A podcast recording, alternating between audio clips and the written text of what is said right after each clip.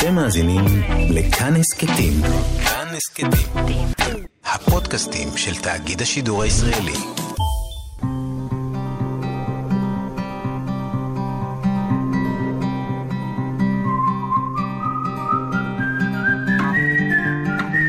אחת פלוס חמש. אורחים וספרים עם ענת שרון בלייס. ואני הייתי נגר במקצוע שלי. למדתי נגרות, כי אבא שלי אמר לי, אתה רוצה גיטרה? בסדר, אין בעיה. לך תלמד מקצוע. כי מוזיקה זה לא מקצוע. גם היום זה לא כל כך מקצוע. תראי כמה אנחנו צריכים להפגין ולצעוק בשביל שיכירו בנו. עוד היום נחשבים לסוג של ליצנים, שרוצים אותנו ומזמינים אותנו לכל מיני אירועים חשובים כאלו ואחרים. אבל כשיש בעיה, אנחנו כאילו אחרונים בתור, תראי איפה אנחנו נמצאים היום. See the crazy people running down the hill.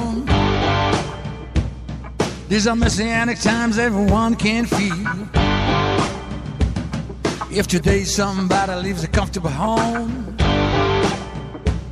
somewhere on the road they can be hit by a bomb. The flame of fire turns their head around, and the burning flame will blast out loud. They'll dance in circles with their crazy moves. And they'll burn our soul with their fire shoes.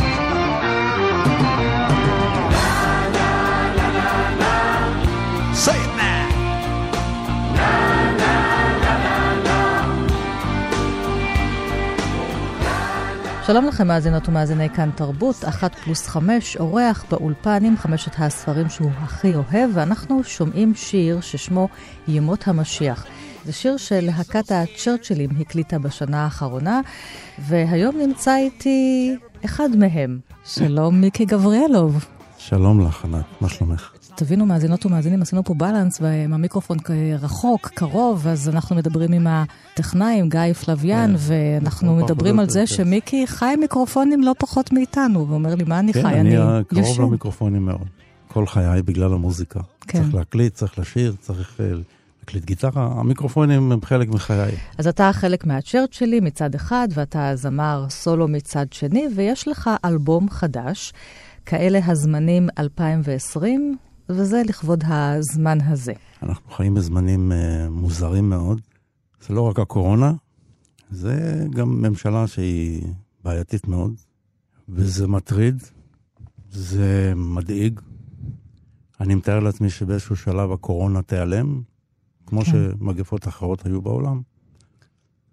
אבל מה שעושים מזה, ואיך שמתנהלים עם זה, ואיך שמתייחסים לאזרחים בעניין הזה, זה פשוט מטורף בעיניי. מטורף לחלוטין.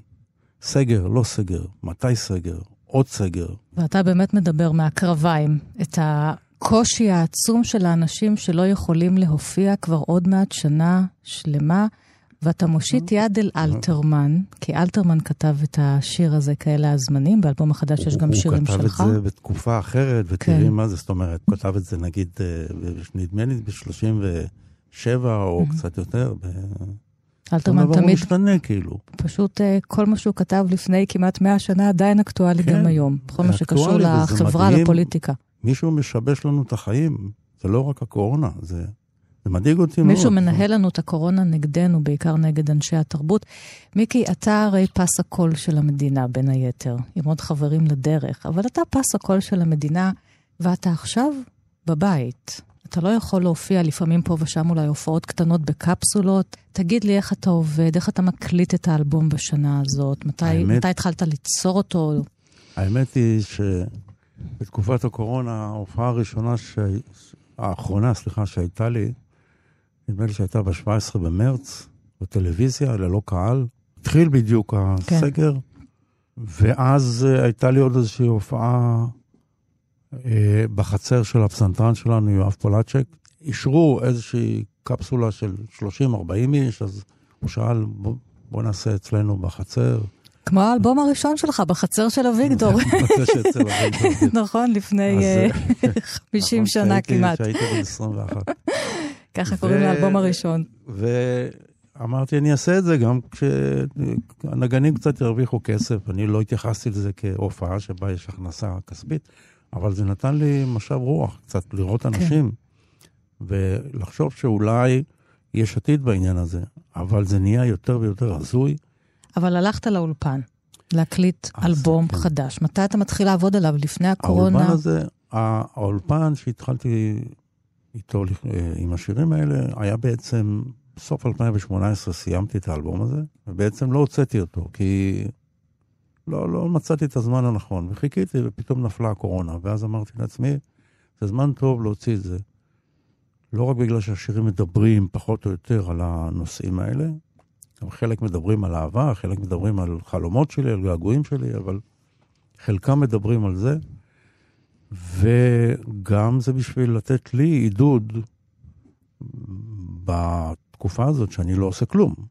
ואחר כך הקלטתי בתקופה הזאת אה, שיר לצ'רצ'ילים, אה, שיר שכתבתי שנקרא מסיאניק טיימס.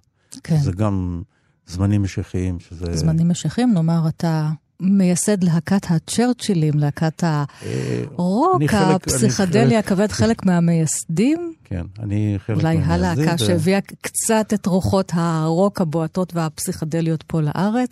כן, בהחלט. וכך או אחרת לא קיימת יותר או עובדת באופן רציף, אבל אתם קיימים ולו בתודעה ולו בהשפעה שלכם על המוזיקה בתודעה בהחלט אנחנו הישראלית. קיימים, אבל אה, למה קראתם לעצמכם צ'רצ'ילים? כי אני זוכרת שנסעתם ללונדון בזמנו, אז כן. המצאתם לעצמכם שם אחר שלא לפגוע בכבודו של צ'רצ'יל. הצ'רצ'ילים ו- זה בגלל שהיה כינוי ליצחק קלפטר, שהוא כן. צ'רצ'יל. סוף שנות ה-60 אתם, זה- הלהקה הזאת זה- קמה. אנחנו התחלנו ב-65, והיינו יצחק קלפטר, חיים רומנו, אני ועמית חייבץ, זיכרונו לברכה. ויצחק, אה, זה היה הכינוי שלו, צ'רצ'יל. נכון. התחלנו ממתבודדי צ'רצ'יל ועל מלחשים וכל מיני שמות, בסוף הוחלט שזה יהיה הצ'רצ'ילים, כי זה התאים וזה גם צלצל טוב. אבל באנגליה כשהיינו, זה לא התאים לאנגלים, לא רק, כן. אה, לא התאים להם השם הזה, גם בגלל כבודו של צ'רצ'יל, וגם אה, זה לא ייצג את מה שאנחנו היינו. אז הם קראו לנו גם בשם אנגלית וגם בשם ישראלי, כאילו ג'ריקו ג'ונס, גם אה, אוריינטלי קצת וגם המערבי, ואחר כך זה השתנה לג'ריקו בכלל. איפה פגשת את המוזיקה הזאת אני אגיד לך, שאתם אה, פתאום מביאים אני- לפה צלילים אחרים לגמרי? אני גדלתי בשכונת שפירא בדרום תל כן. אביב, בבית שהוא בעצם אה, לא היה משכיל, אבל היו בו ארבע תרבויות. אבא שלי הוא נולד בארמניה, בירוון, למשפחה שהיא משפחה דוברת ארמית אה, מתבוללת כזאת, קוראים להם נשדידנים, והוא, עם המשפחה הם עברו לטורקיה כשהוא היה בן שנתיים וחצי או משהו כזה, שלוש, והוא עלה לארץ ב-29, וגם אימא שלי עלתה ב-29, אימא שלי עלתה מאזמיר, הוא עלה מאיסטנבול. הם נפגשו בארץ. אז הוא בא עם תרבות של אה, נשדידנית, כן. תרבות טורקית, לדינו, כי הוא היה יהודי שדיבר לדינו בטורקיה, וכשהוא הגיע לארץ, כמובן, תרבות ישראלית, עברית. אז הוא דיבר ארבע שפות, וגם אימא שלי דיברה ארבע שפות. באיזו אבל- שפה גדלת בבית? מה הייתה שפת אני? גדלתי ב- בעיקר בעברית ולדינו. הטורקית, הוריי לא דיברו בינינו, איתנו, עם הילדים, מהמם. דיברו ביניהם, והם דיברו ארמית, רק שאני לא ספגתי את השפה הזאת, קצת התרח- התרחקתי ממנה. זו שפת התנ"ך. כן. אם- תגיד לי, אני אוהב אותך בארמית. אני לא יודע לדבר ערבית. אני יודע להגיד מה כפילט. שמה כאילו, זה? מה מה שלומך? אוקיי, או מה ואת את כפילית? צריכה לענות לי ג'וונילט, כאילו. שוונילט, טוב, טוב, טוב, תודה. טוב, תודה. אני בסדר, כן. אז, אבל אני לא מכיר הרבה, אני לא מכיר משפטים, אני לא יכול לשוחח. אנחנו עם ארמית ולדינו, איפה אתה מתחבר לפסיכדליה בדיוק, הבריטית? אז, אז שם אני מגיע. אז אצלי בשכונה ערב רב של תרבויות, לא כן. רק ממני, לא רק מהמשפחה שלי, כל מיני פרסים ובוכרים, הרבה מאוד בוכרים. אז אני שמעתי ערב רב של מוזיקה אצלי בשכונה, גם אה, פולנים, גם רומנים היו שם. אבל בעצם גדלתי כישראלי והלכתי לתנועות נוער וכדורגל והפועל תל אביב, הייתי שחקן בהפועל תל אביב, הייתי שוער, אז מסביב התרבות המערבית חדרה מאוד. ובדיוק אז, בתקופה הזאת, ראיתי את האלוויס המקומי אצלנו בשכונה, שהוא היה שר ג'יבריש, אבל הייתה לו גיטרה קלאסית כזאת מדליקה. והוא היה עומד בין עצי אקליפ- אקליפטוס. והיה מתנועע כמו אלוויס ושר לנו אבא ולובה וכל מיני שירים כאלה. והגיטרה הדליקה אותי ככה. אחר כך ראיתי את הגיטרה אצל חבר שלמד איתי בכיתה, ופרטתי עליה ואמרתי, זהו. אני זהו. רוצה לנגן גיטרה, ואז, וזה הייעוד שלי. וחיפשתי נגנים בסביבה, בשכונה שלי, ואז אז ככה פגשתי את חיים רומנו, הגיטריסט. ונהיינו חברים, ואז הוא הפגיש אותי עם יצחק קלפטר ועם עמי טרייבץ'. וניגענו קצת ביחד והפכנו להיות להקה. ואחרי שנהיינו להקה, חלק התגייסו, הלהקה השתנתה ופתאום הקלטנו. פתאום אנחנו באולפן מקליטים שירים, ופתאום אני מלחין איזה חתיכת לחן פה, לחן שם, ואחר כך להקה, פתאום אריק איינשטיין, זכרו לברכה, מחפש להקת רוק, והמרגנים מפגישים בינינו, ואנחנו מקליטים איתו את, את חמשת השירים הנוספים בפוזי, לפני כן כן. הוא עבד עם, עם מישה סגל, ואנחנו הופכים להיות להקה שמלווה אותו. באיזשהו שלב גם באחת הנסיעות שנסענו לאילת, להופעות, הוא ככה בא אליי ואמר לי, תשמע, אולי, אולי נעבוד ביחד. וזה, אז אמרתי לו, אנחנו עובדים, אנחנו מופיעים ביחד, נכון? אמר, לא, לא, אני מתכוון ככה לכתוב שירים ולהקליט וזה. אני מתכוון, אני ואתה נשנה את העולם. אז אמרתי לו. תשמע, אני, אני ממש לא יודע לכתוב שירים. אז הוא אמר לי, יופי, גם אני לא יודע. בוא ננסה. ומכאן יצאו השירים היפים ביותר. אה, שמח שאת אומרת שזה פסקול של המוזיקה כן, הישראלית. זה הפסקול. כאלה הזמנים, לשיר את השיר הזה? קצת, ככה. או, תכף אנחנו שומעים אותו. מה זה? מהיר. כחץ, קליל כמודה, אני זמניאל, שר הזמן. אבל הפעם אעמודה, לשיר לכם פזמון קטן. או פזמון ישן. כאלה הזמנים, מיקי גבריאלו שר נתן אלתרמן, אז אנחנו שומעים את השיר הזה. מהיר כחץ, קליל כמודה, אני זמניאל, שר הזמן. אבל הפעם אעמודה, לשיר לכם פזמון קטן. כל ההיסטוריה לי קולנוע, מאה שנים קוצו של יוד. אני מעין פקיד גבוה במשרדי הנצחיות. אני אחד מן הפמליה המשגיחה על העולם. אם לא זכיתי במדליה, אם קצת נכשלתי פה ושם, כאלה הזמנים, כאלה הזמנים, גם לפקידים קטנים יש כישלונות גדולים. כאלה הזמנים, כאלה הזמנים. טק, העת רוננת, תיקיו תיק, התיק התיק. מעשייה אחת נושנת, אני חוזר ומעתיק.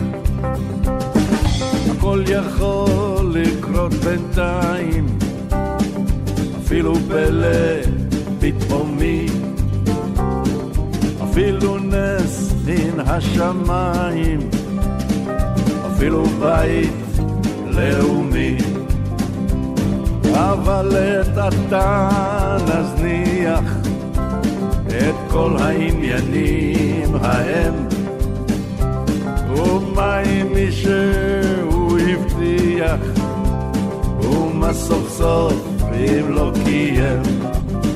כאלה הזמנים, אלה הזמנים, כאלה הזמנים, אלה הזמנים גם לעמים גדולים יש כישלונות קטנים כאלה הזמנים, אלה הזמנים.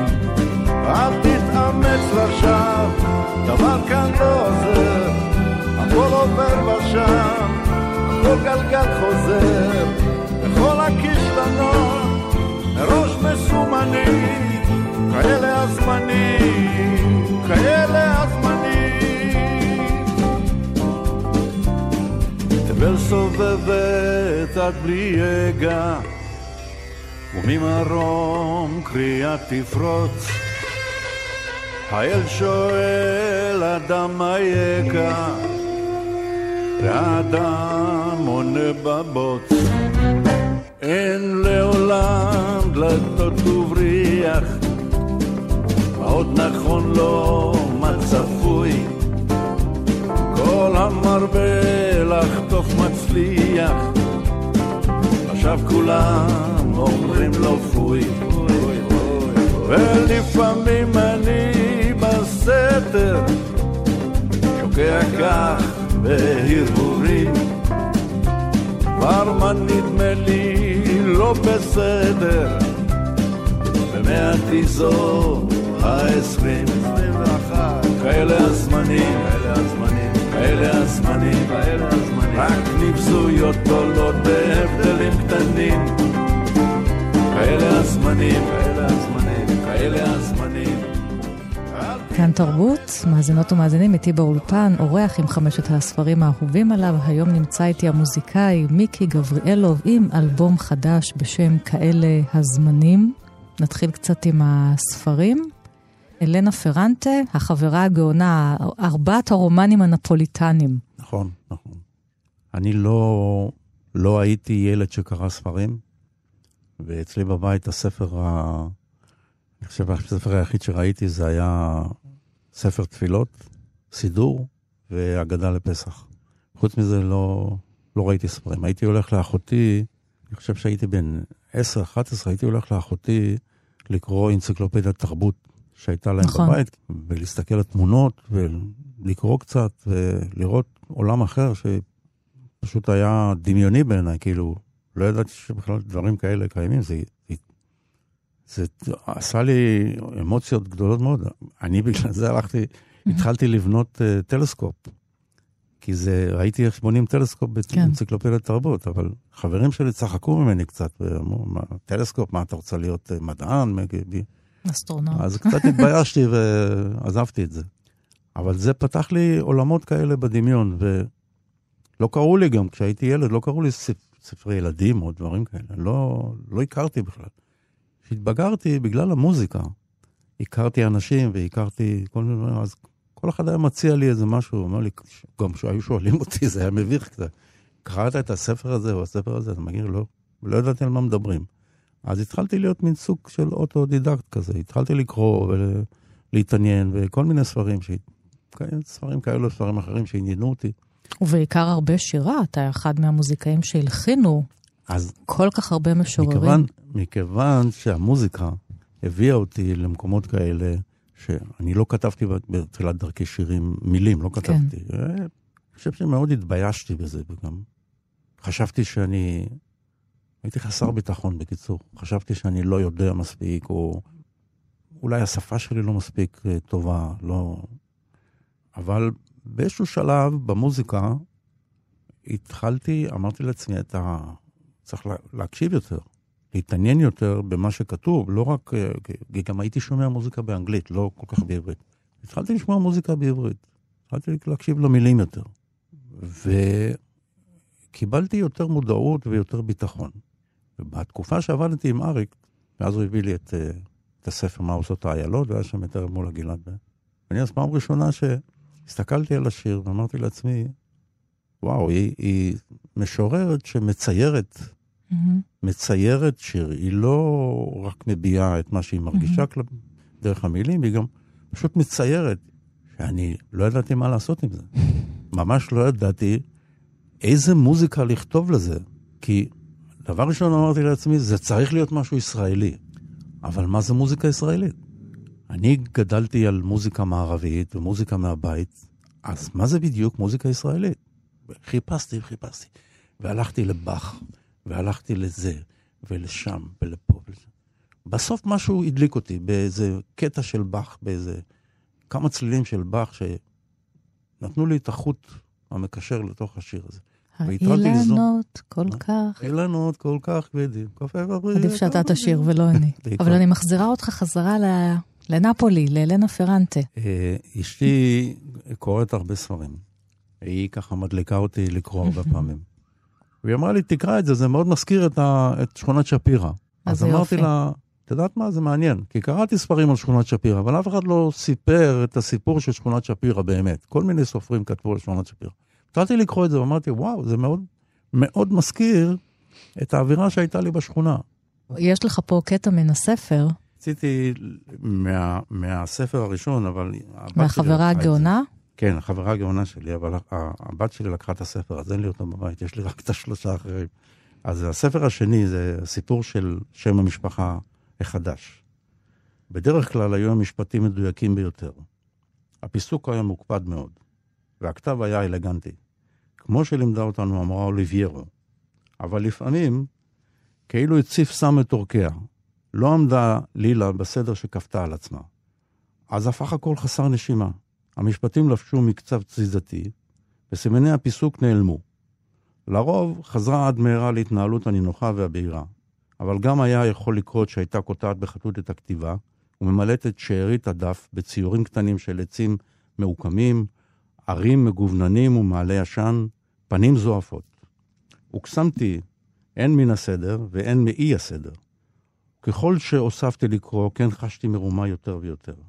כמה תרגול היה מאחורי המכתב ששלחה לי לעסקיה לפני שנים. לכן, הוא היה כתוב טוב כל כך. החזרתי הכל לקופסה, והבטחתי לעצמי לא להסתקרן שוב. איזה יופי אתה קורא, כמו שאתה שר עם הקול החם שלך.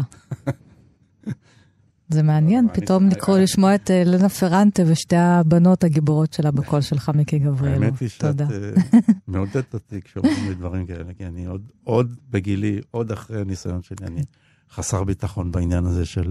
של אה, לקרוא או לשיר או כל זה. באמת?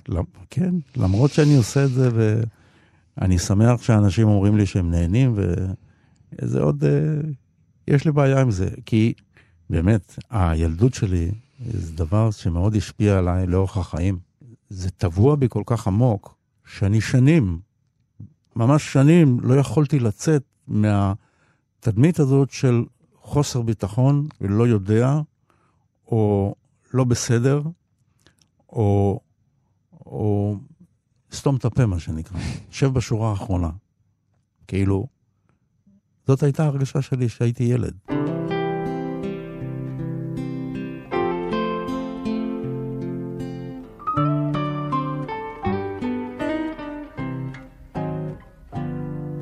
כחול ושמיים שתי סירות של נייר.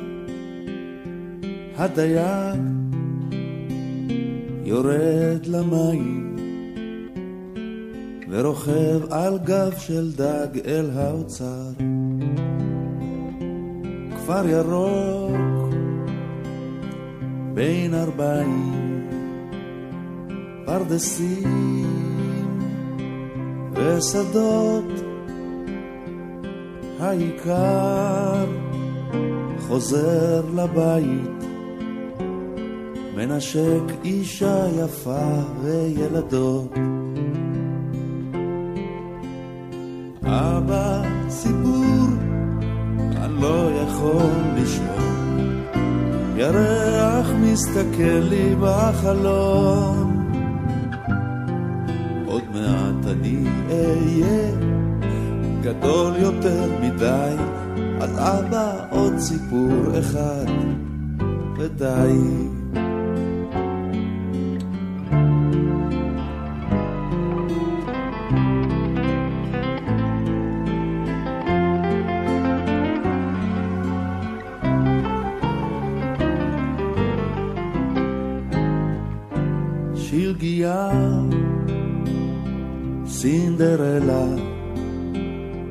הדובים ישנים, ואולי זה רק נדמה לה, מי יושב על הכיסא שלי, אני.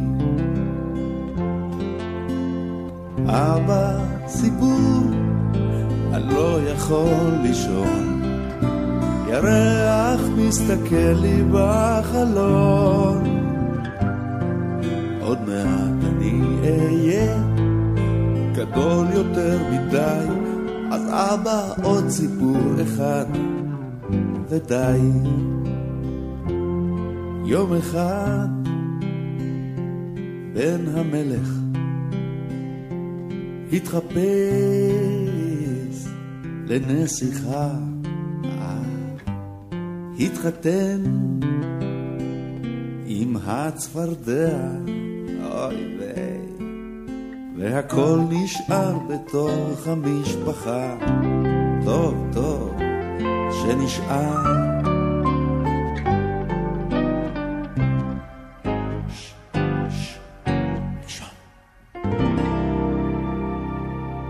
תמיד הייתי מין מאחורי הקלעים, תומך בכל האנשים שעבדתי איתם, כותב להם מוזיקה, מאבד להם, עושה להם, ואני רק בגיל 26, פעם ראשונה, פתחתי את הפה ושרתי מול קהל, את השיר אבא סיפור שיונתן גפן ביקש ממני. זהו, בדיוק רציתי לומר לך על זה, כי אנחנו עם הספרים, אבא סיפור, אבא סיפור, הנה. אבא סיפור, כן. זה אתה, אני קורא לילדים שלי, אה, קראתי לילדים כן. שלי ספרים, הם היום גדולים, אבל אני קורא עכשיו לנכדים. אז הנה ואני אתה. קורא, אה, אני קורא להם גם מאיר שלו. כן, אז זהו, אז זה הספר הבא, מאיר שלו, אבל זה לא כל כך לילדים, זה למבוגרים, לא, רומן. אבל אני קורא להם את אבא עושה בושות אבא עושה בושות. ברור. של דברים אבא אחרים. עושה עוגות. אני קראתי כמה ספרים של מאיר שלו, אז uh, יש לי פה פונטנלה, פונטנלה. ואני מאוד אוהב אותו. הוא, הוא מאיר, הוא, הוא, הוא, קודם כל יש לו שפה, חושנית, עברית כזאת של שכבות, כי הוא בא מהבית של המורה לתנ"ך, של יצחק שלו. זה עברית שיש בה זיכרון יפה, איזה מאז, יופי. ועברית שיש שיש לה זיכרון של היום. והוא משתדל לשמור את הזיכרון הזה כל הזמן, כי מישהו מנסה לשנות את הזיכרון שלנו פה במדינה הזאת. ואני קורא אותו ואני אומר לעצמי, וואלה, איזה בן אדם. הוא, יש לו אידיאולוגיה בעניין הזה. למה. פונטנלה? מה תפס אותך אה, שם? ש... כי זה גם סיפור על, אה, על משפחה, זה הטריד אותי גם השם הזה, למה הוא בחר בשם הזה, שזה, זה, יש לזה פירוש של, נדמה לי, רפואי, של קרום המוח של התינוק או משהו כזה. זה קשור למשפחה וליחסים ולכל הקשר של המשפחה הזאת. נחזור לעמק יזרעאל, שם אני חיה היום, ושם מאיר שלו גדל. כמו זקנים אחרים בכפר, חוששים שבקרוב יזרקו אותם מהבית. פזל עלינו הכלב במבט מודאג, מוודא שאנחנו מתרשמים מגבורתו ונאמנותו. כאלה היו אז פני הדברים. העיר הקטנה שלנו הייתה כפר, ובכפר כמו בכפר, השוחט, הכורת, האלטזכן, חיכו לכולם במורד הדרך. ובעלי חיים, צמחים, כלים ואנשים נבחנו יום-יום. עבדת? הנבת? הבאת תועלת? הנח לי לחש הנחש. תן לי ללכת בדרכי. אבל איש לא שמע, כי כמוני, גם הנחש דיבר בליבו. הכפר בעמק יזרעאל והנחש מגן העדן נכון. שנכנס לפה. אחת פלוס חמש. אורחים וספרים עם ענת שרון בלייס. ועכשיו הפתעת אותי עם עוד ספר, מלחמת היהודים ברומאים של יוספוס לביוס, שלפרטי זה פרטים ליד מתאר. המיט... ה- ה- על השידה במיטה שלי, ואני קורא בזה מדי פעם. זה לא ספר, זה לא רומן שאפשר אה, כן. לקרוא ברצף כל הזמן. השפה גם מאוד אה, ישנה, עברית, אבל היא שפה ישנה מאוד. רומא זה- שולטת, הוא כתב את בארץ. זה פחות או יותר בתקופה הזאת. עד חורבן בית שני. עם זיכרון של אה, פחות או יותר מתקופת החשמונאים. איפה מצאת אותו? בחנות ספרים? יד... לא, אצלי בבית יש לנו ערימות ספרים מהמם. מכל מיני, ואני מחטט לפעמים בספרים, אני קורא גם בתנ"ך כל הזמן, כ- כספר. גם אני אני. לא איש דתי, גם אני אני קורא בו קוראת. כספר, זה מעניין אותי. בגלל שאני קורא בו כספר, התחלתי להקשיב להרצאות של אה, רחל אליאור וישראל פינקלשטיין, שהוא... ארכיאולוג. אה, ארכיאולוג, וגם עודד ליפשיץ, הוא ארכיאולוג. היא יותר מחשבת ישראל נכון. והיסטוריה של, של היהדות. זה מאוד עניין אותי לדעת את הדברים האלה, והקשבתי להרבה מאוד הרצאות, ואמרתי לעצמי, מעניין לקרוא את הספר הזה של יוסיפוס אה, פלביוס, או יוסף בן מתתיהו. שזה אולי דומה למה שקורה. באמת, משבר פוליטי, אזרחי, זה כל הזמן היו שם משברים עד פוליטיים. החורבן. כל הזמן היו משברים פוליטיים, ובעיקר מהמלך האחרון, שחיסל את הכהונה. המלך אמר, אני רוצה שתחגגו, כן, הקיסר אומר, לפי הלוח שלי, ולא לפי הלוח שלכם. אמרו לו, אדוני, אנחנו אלף שנה ככה עם הלוח הזה. אתה בא לשנות לנו את הסדרים עכשיו? מה, מתי אנחנו נזרע, מתי אנחנו נקצור, הכל אה, מתואם פה. הוא אמר, אני המלך, אתם שום דבר.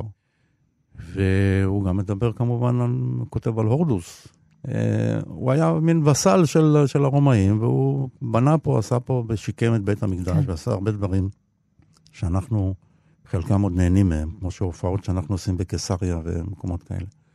אבל זה מאוד עניין אותי, כי אני אומר, זה אלפיים שנה אחורנית, באמת. השפה העברית, זו אותה שפה. כאילו, תרגמו את זה מעכשיו וזה, אבל זה, דיברו אז באות, באותה שפה. זה, או אפילו שלושת אלפים שנה אחורנית, דיברו באותה שפה. שאת, אם היה מגיע דוד המלך, מדבר איתך היום, היית מבינה על מה הוא מדבר, כן? Mm-hmm.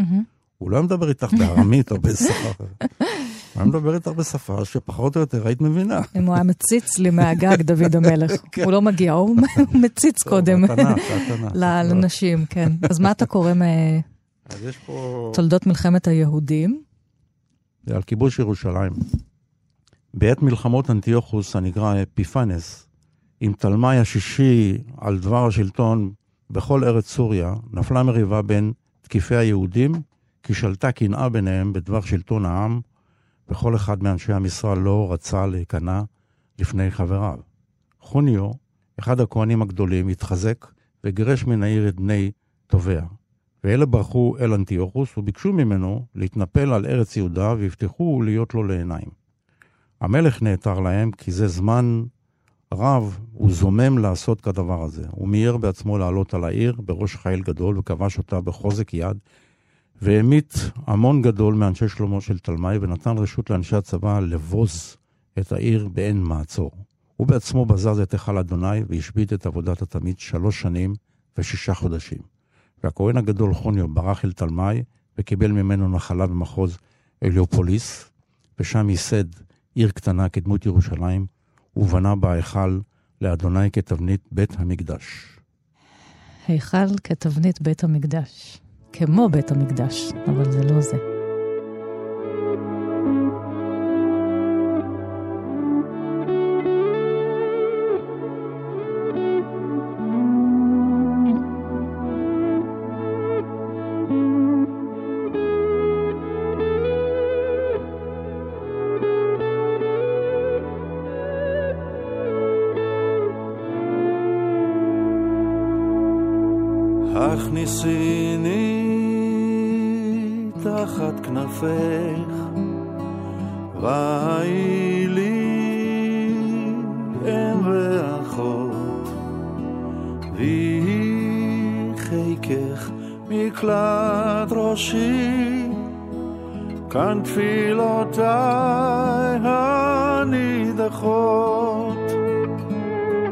ובעת רחמים בין השמשות. שכיבה גלח סוד ייסוריי אומרים יש בעולם נעורים היכן נעוריי? הכניסיני תחת כנפך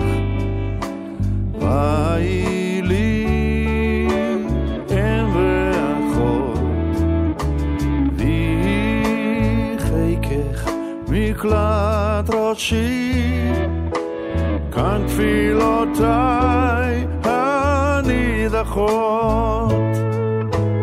ועוד רז אחד לך אתוודה, נפשי נשרפה בלהבה. אומרים אהבה יש בעולם, מה זאת אהבה?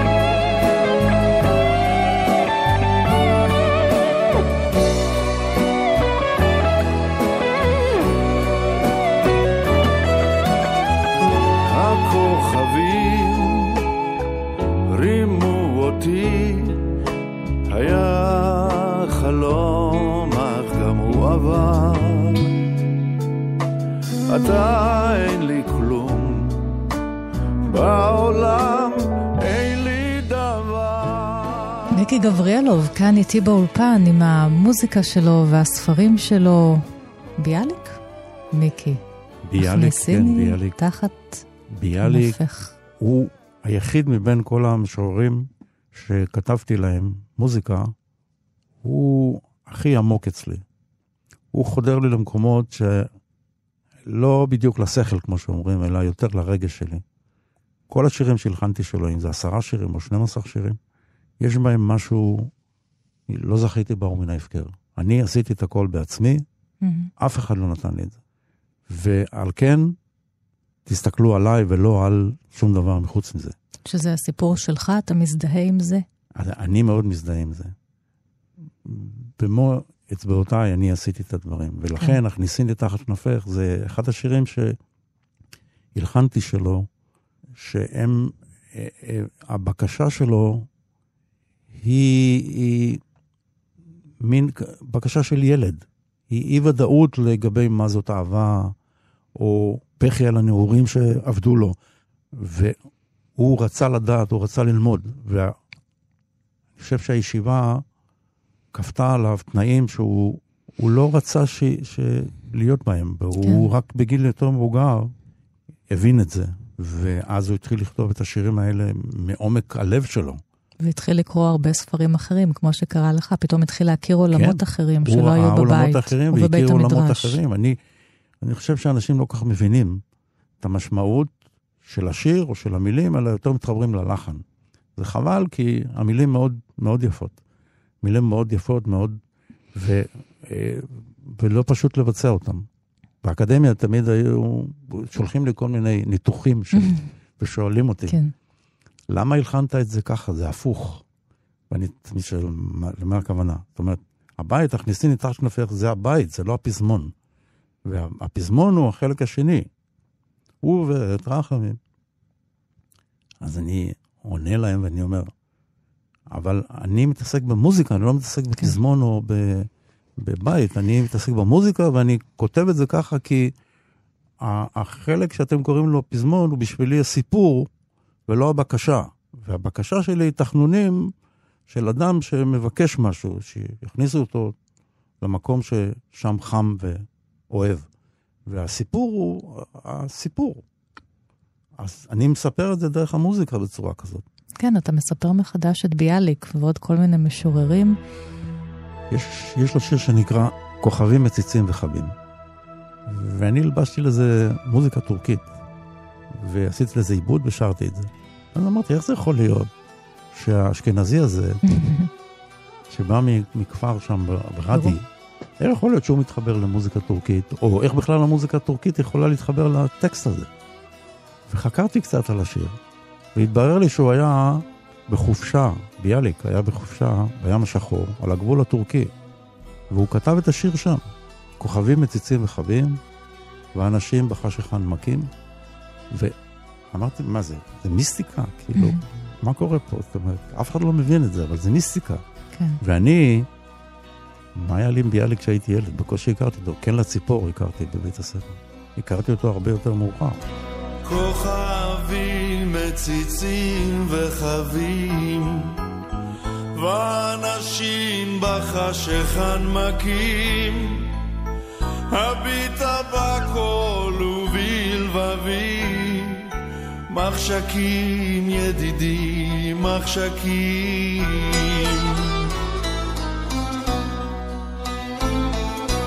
ונוצצים חלומות ונובלים ופורחים ורקבים לבבות. הביטה בקול ובלבבי חרבות ידידי חרבות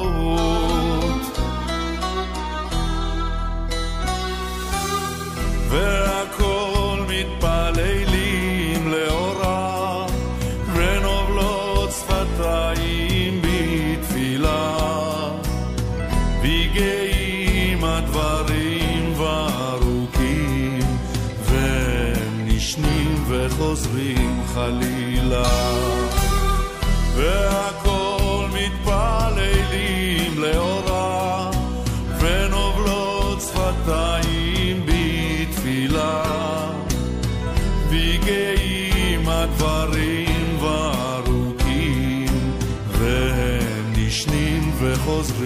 חלילה.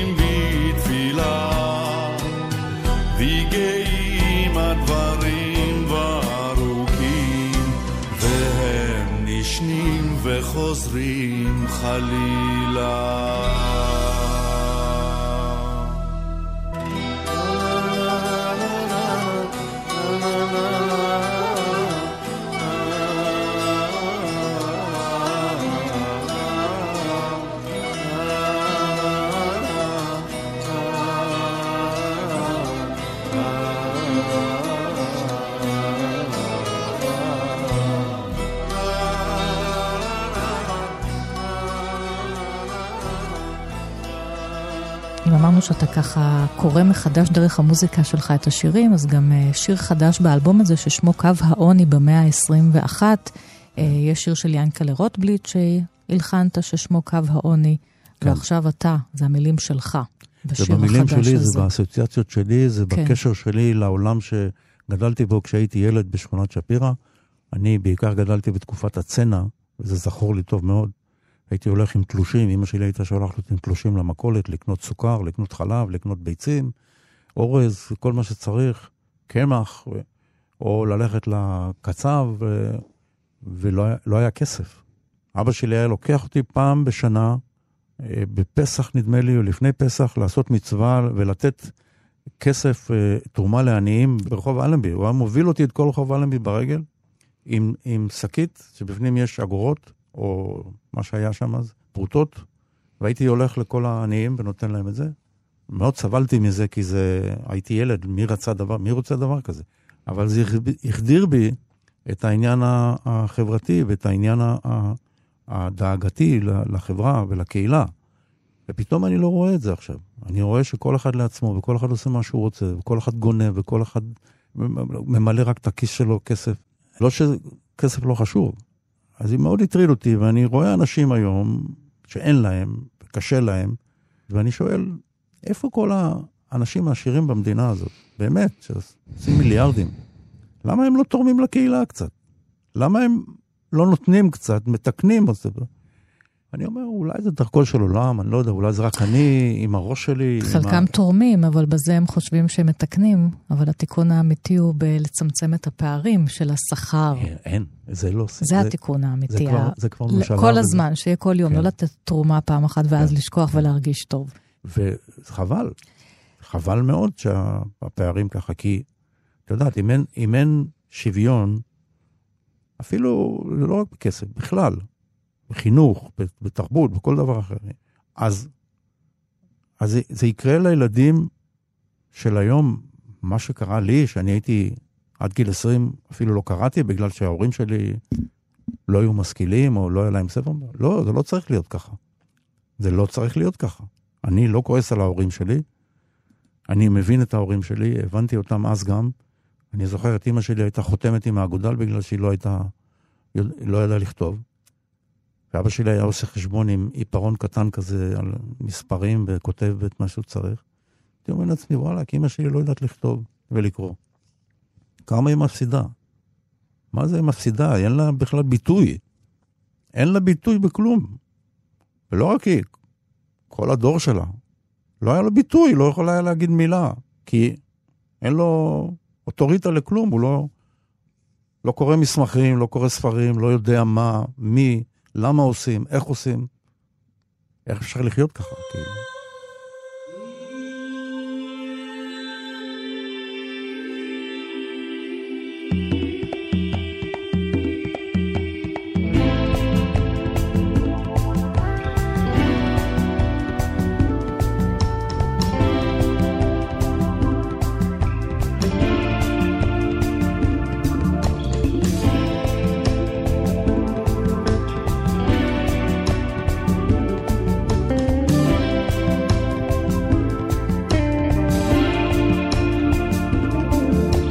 vardır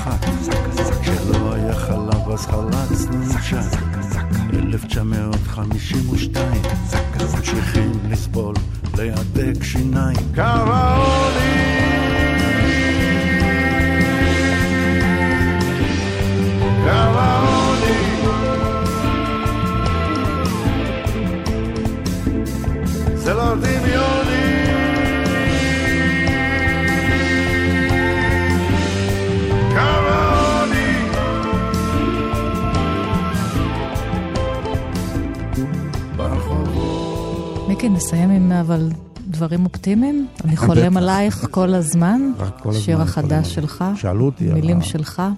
כן, שאלו אותי על השיר הזה, על מי אתה חולם. אז אני, האמת היא שזה מטאפורה של, של המוזיקה, כי זה מה שקורה לי. אני הולך לישון, אני הרבה חולם על מוזיקה. אני באמצע הלילה כותב מוזיקה בתוך הראש שלי. ואני מתעורר, לפעמים אני כותב את זה, לפעמים באמצע הלילה אני מקליט משהו, הרבה מאוד מהשירים שאת מכירה הולחנו בצורה כזאת שבאמצע החלום בא לי שיר ואחר כך הקלטתי את זה ונוצרו שירים. וזה, אז אני בעצם חולם על מוזיקה, למרות שאני הופך אותה לאישה, למשהו אנושי יותר, אבל אה, זה, גם זה, זה אלתרמן, כי סערת לילה נצח הנגנך. נכון. אנחנו סוגרים, פתחנו עם אלתרמן וסוגרים עם אלתרמן פינת מיקי גבריאלוב. כן. חולם עלייך כל הזמן. תודה רבה. מיקי גבריאלוב, תודה רבה שבאת לכאן עם המוזיקה שלך והספרים שסיפרת ככה בגילוי לב. איך באת אליהם? איך התחלת לקרוא? איך גילית אותם? אני מאוד שמח בזה שזה... תודה לך. קרה לי כמו שזה. אני ענת שרון בלייס, כל התוכניות של אחת פלוס חמש זמינות לכם בדף ההסכתים של תאגיד השידור, עוד פרטים בדף הפייסבוק שלי, תודה לכם ולהתראות.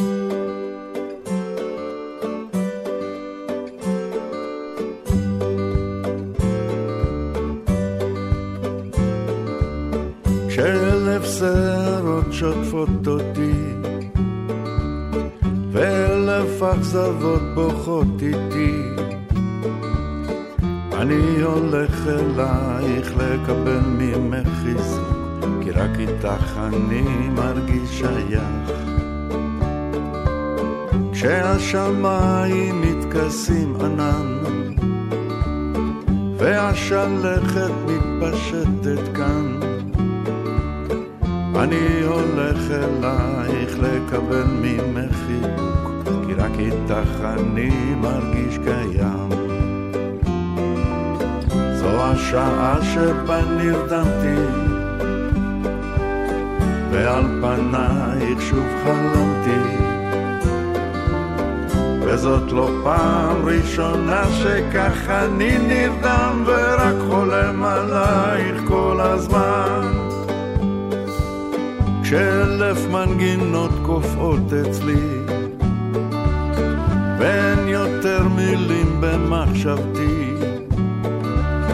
אני הולך אלייך לקבל קצת השראה כי רק איתך יפה לי השעה. כשהימים נהיים יותר קשים והקשרים על מים סוערים אני הולך אלייך ושותה כוס יין מר מספר לך כל מה שאפשר. זו השעה שבה נרתמתי ועל פנייך שוב חלמתי. וזאת לא פעם ראשונה שכך אני נרדם ורק חולם עלייך כל הזמן ראשונה שכך אני נרדם ורק חולם עלייך